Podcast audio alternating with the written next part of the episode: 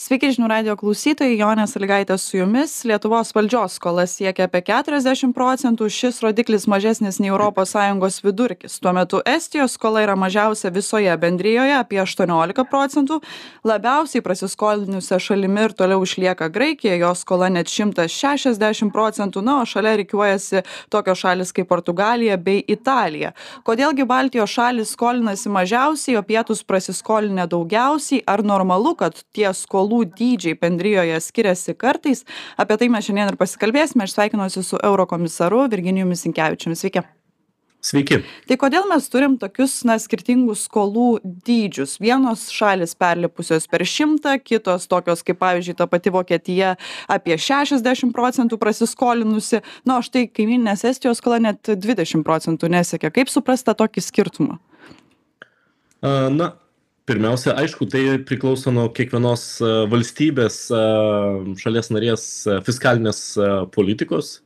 Ir na jūsų pateikti pavyzdžiai rodo kad vienos valstybės yra na daug drausmingesnės joms sekasi tos drausmės laikytis daug geriau nei kitoms. Ir žinot vėlgi kaip vyriausybės nusprendžia kokios skolinimosi politikos laikytis tai dažnai sufleruoja situaciją ekonominę situaciją bendrai palūkanų normą kai jinai yra žemesnė aišku kad vyriausybės skolinasi šiek tiek šiek tiek drąsiau.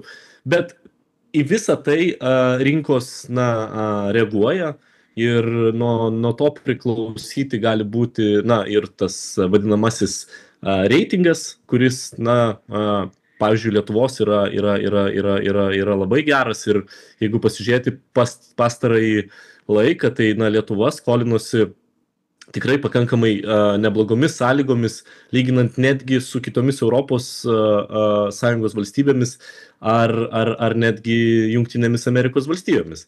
Tai šiuo atveju ta tvarka kurios kurios kurios laikosi aš sakyčiau kad daugmaž visos lietuvos vyriausybės laikėsi leido mums sėkmingai įsivesti eurą ir leidžia mums na tvariai skolintis ir ir ir ir ir toliau na neperžengiant tų ribų net ne nesiunčiant neigiamų signalų rinkoms prieš porą metų čia radikali dešinioji partija estijoje ekre kėlė tokį klausimą kad štai dėl tokių skirtingų skolų dydžių na yra toks šioks toks nepasitenkinimas ir tarsi nežinau ar tai yra populistinis pasisakymas bet kad štai mažiausiai įsiskolinusios šalys po to gali mokėti už tas šalis kurios daugiausiai prasiskolina turiu omeny palūkanų normas. Ar tai yra populizmas ar tai yra reali problema kuri gali pavyzdžiui atgimti per europos parlamento rinkimus ir politikai gali kalbėti kad iš tiesų skolinkimės tada ir mes daugiau nes po to turėsim vis tiek e, mokėti už kokią portugaliją ar graikiją.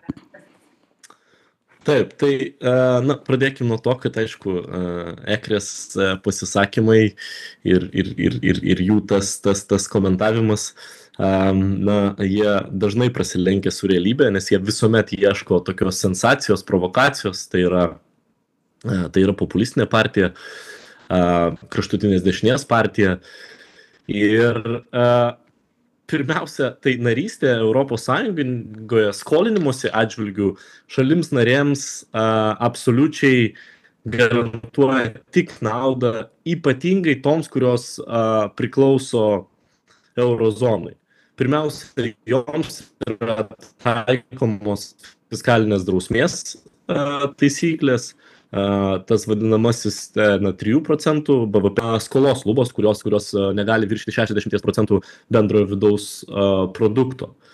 Tai dar kitaip vadinamas tas stabilumo ir augimo paktas.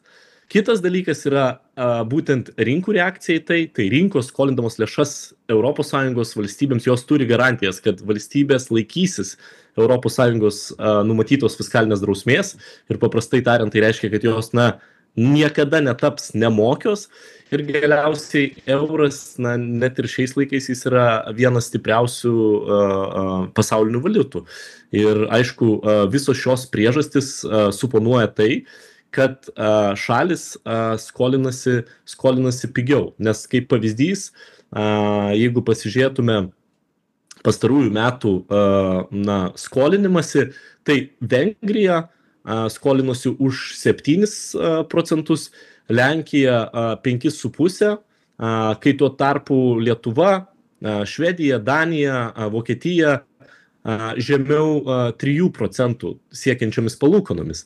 Tai tai parodo kad na šiuo atveju tiek euro stiprumo, tiek galų gale tos fiskalinės drausmės atlyginimą iš rinkų atžvilgių. Tai, tai šiuo atveju yra absoliutus, aišku, populizmas ir, ir, ir, ir skolas valstybės narės jos gražina pačios.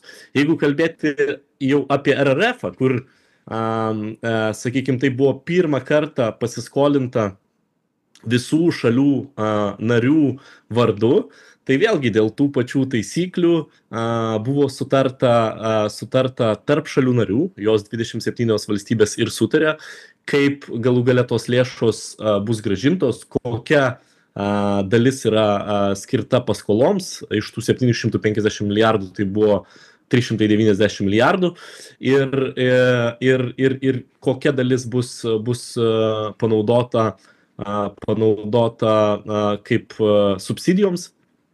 Ir šiuo atveju tos taisyklės jos, jos visiems yra taikomos vienodai, o paskirstimas lėšų buvo paskirstytas pagal, pagal na, tą formulę, kurią vėlgi šalis narės susitarė tarpusavyje.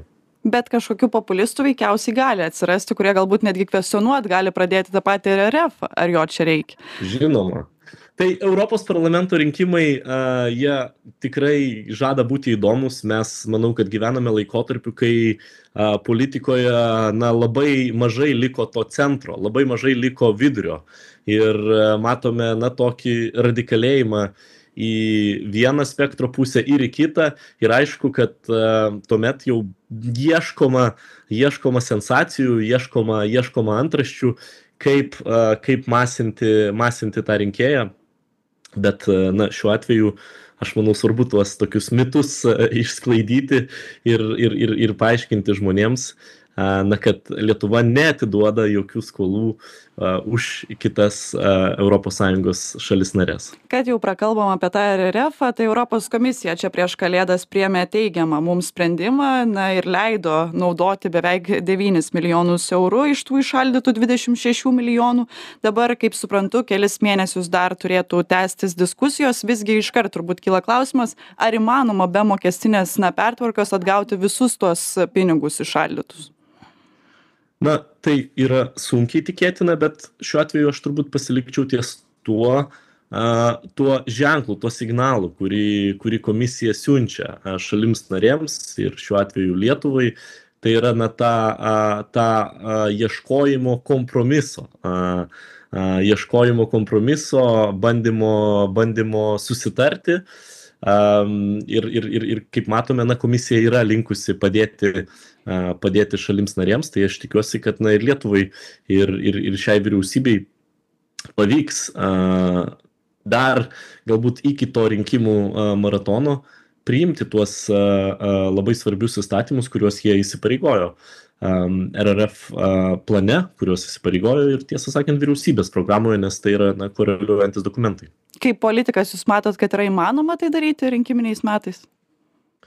Tai bus be galo sunku. Am svarbus yra yra iššvaistytas. Mes matome ir koalicijoje.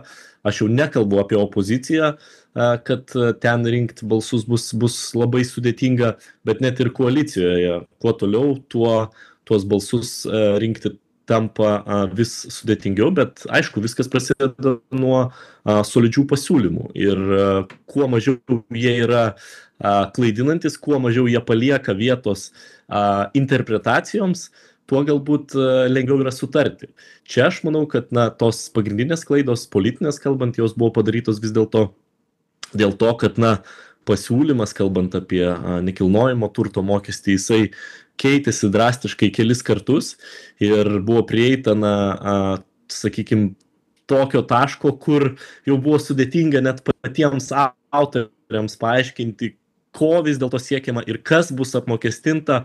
O aišku kad a a tuomet visa tai apsipina apsipina mitais ir ir ir ir laikotarpis tikrai sudėtingas žmonėms dėl išaugusių pragyvenimo kaštų tiek kalbant apie šildymą dabar tiek kalbant apie elektros kainas tiek bendrai galų gale vartojimo išlaidos jos yra padidėjusios palūkanos žmonės kurie pasiėmę yra paskolas jos labai smarkiai išbrango tai laikas yra labai sudėtingas kalbėti apie mokestį ir ir aišku finalizuoti jį. Mokesčių reformą čia prezidento patarėjas jau keiksmažodžiu vadina ir atsiranda netgi tokių diskusijų kad ir kitam seimui gali na kažkaip nepavykti prieiti prie tos mokestinės pertvarkos bet aš kaip suprantu na yra būtina ir būtinai reikės tuos įsipareigojimus įvykdyt jeigu mes tų lėšų norim. Žiūrėkit aš norėčiau kad viena būtų aišku visoms pusėms. Tai e, šių reformų pirmiausia reikia ne dėl to kad gauti lėšas jų reikia valstybei. Todėl kad valstybė nebeišgali finansuoti viešųjų paslaugų. Sveikatos apsauga švietimas. Tai yra sektoriai kuriuos lietuva na šiandien dienai skiria kalbant apie finansus vieną iš mažiausių dalių visoje europos sąjungoje. Tai tų reformų jų pirmiausia reikia reikia valstybei jų reikia lietuvai. Ir tai ne tik yra rrf lėšų klausimas bet galų gale ir tolesnės valstybės raidos tų galų gale mm, funkcijų užtikrinimo kaip švietimas ar sveikatos apsauga tai na aš tikiuosi kad čia atsiras tos politinės valios bet vėlgi noriu paminėt kad viskas prasideda nuo solidaus siūlymo kuris, kuris galų gale galėtų sutelkti politinę daugumą, na, kurią turi užtikrinti dabartinė valdančioji dauguma. Ačiū Jums labai, kad skiriat laiko, kalbėjom su Eurokomisaru Virginijumi Sinkevičiu.